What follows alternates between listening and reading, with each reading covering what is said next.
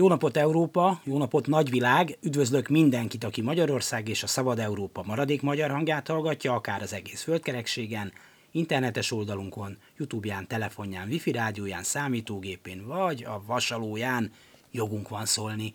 Dési János vagyok, örülök, hogy meg is velünk tartotok, szerkesztőtársam V. Nagy Gyöngyi. Motto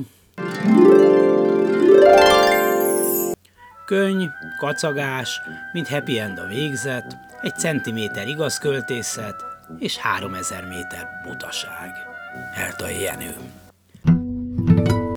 Számunkra valamennyi művészet közül a legfontosabb a film, jegyezte meg egy neves szakember, azért emlékszem erre ilyen jól, mert a Betlen moziba menve olcsóban lehetett jegyet venni, ha az embernek volt ifjúsági mozibérlete, és annak az előlapjára írták ezt fel azzal, hogy hatodik lenni mondta volna.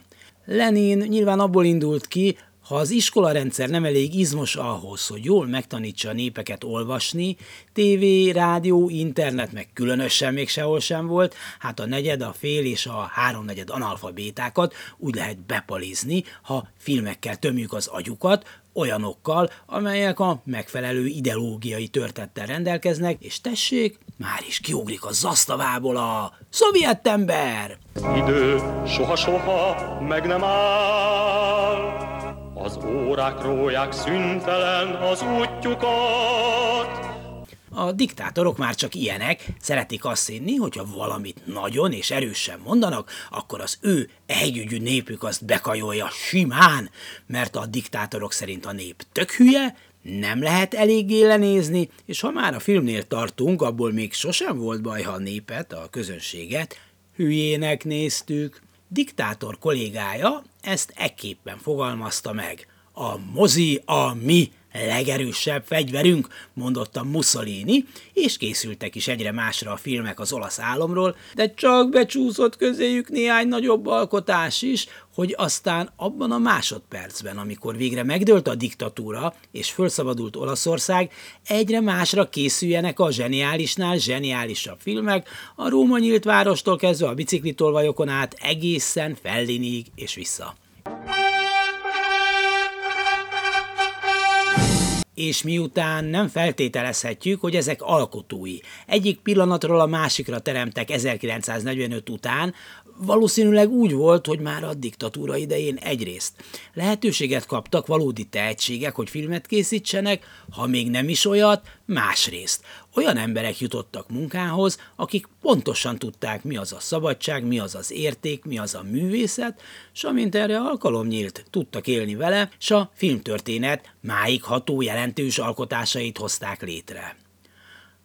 Akadnak olyan diktatúrák, amelyek talán duzzogva, talán félrenézve, de megengedik, hogy közpénzből is kritikus alkotások is készüljenek. Ott van a 70-es évek lengyel filmművészete, és hosszan sorolhatnánk azokat a fontos alkotásokat, amelyek Magyarországon jöttek létre, Jancsótól, Szabó Istvánon át, Bacsó. Szerénység. Ne tömjénezze magát.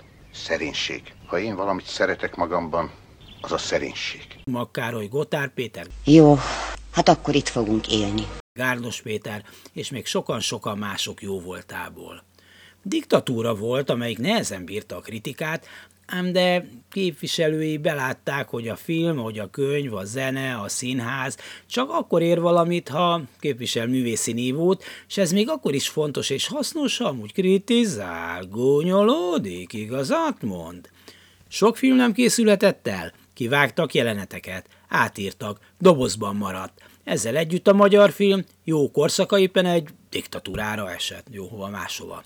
Aztán egyszer csak eljött a bátran vállalt sutyó korszak.